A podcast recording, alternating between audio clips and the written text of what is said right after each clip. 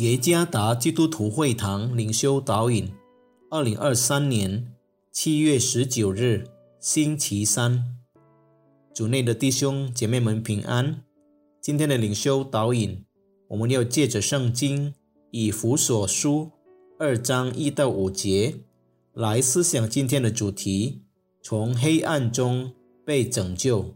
作者谢感恩传道。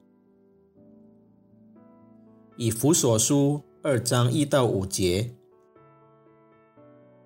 你们死在过犯罪恶之中，他叫你们活过来。那时你们在其中行事为人，随从今世的风俗，顺服空中掌权者的首领，就是现今在悖逆之子心中运行的邪灵。我们从前。也都在他们中间放纵肉体的私欲，随着肉体和心中所喜好的去行，本为可怒之子，和别人一样。然而神既有丰富的怜悯，因他爱我们的大爱，当我们死在过犯中的时候，便叫我们与基督一同活过来。你们得救是本乎恩。有一位古物收藏家在海底寻找有价值的物品，经过几个小时的努力，他一无所获。当他累了，想要停下来，突然看到一件吸引他的东西。他走近一看，原来是一把古老的武士刀。这是过去日本武士使用的刀，因为在海底。很长一段时间，武士刀上已经生满了锈，上面还粘着几片海洋生物的贝壳。收藏家有点失望，差点把武士刀扔掉。但由于那天他什么也没得到，所以决定把武士刀带回家，希望能从这把刀取点什么物件。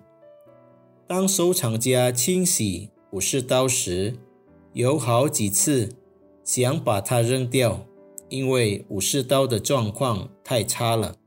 但因几个考虑，终于还是耐心的清洗，直到这把武士刀彻底干净，值得收藏。圣经描述人类因罪孽所受的伤害，比这把武士刀的情况还要严重。一位名叫埃德温·帕尔默的神学家，将人类在最终的腐败描述为躺在玛丽安娜群岛海沟里的人。海沟深十多公里，水压约为二点四吨平方厘米。他躺在那里已有一千年。这个人已经。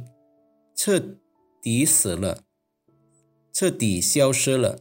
他的身上已经没有半点有价值的东西，他完全没有寻求帮助的欲望和力量。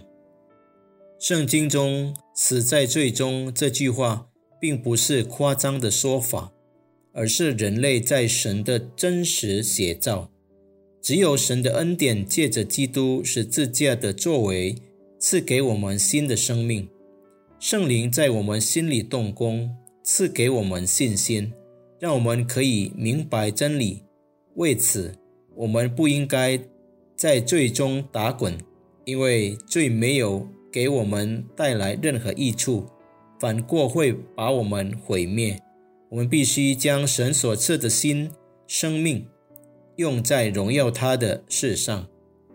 神把我们从黑暗中拯救出来，我们必须活在真理中，才能享受他完美的工作。愿上帝赐福弟兄姐妹们。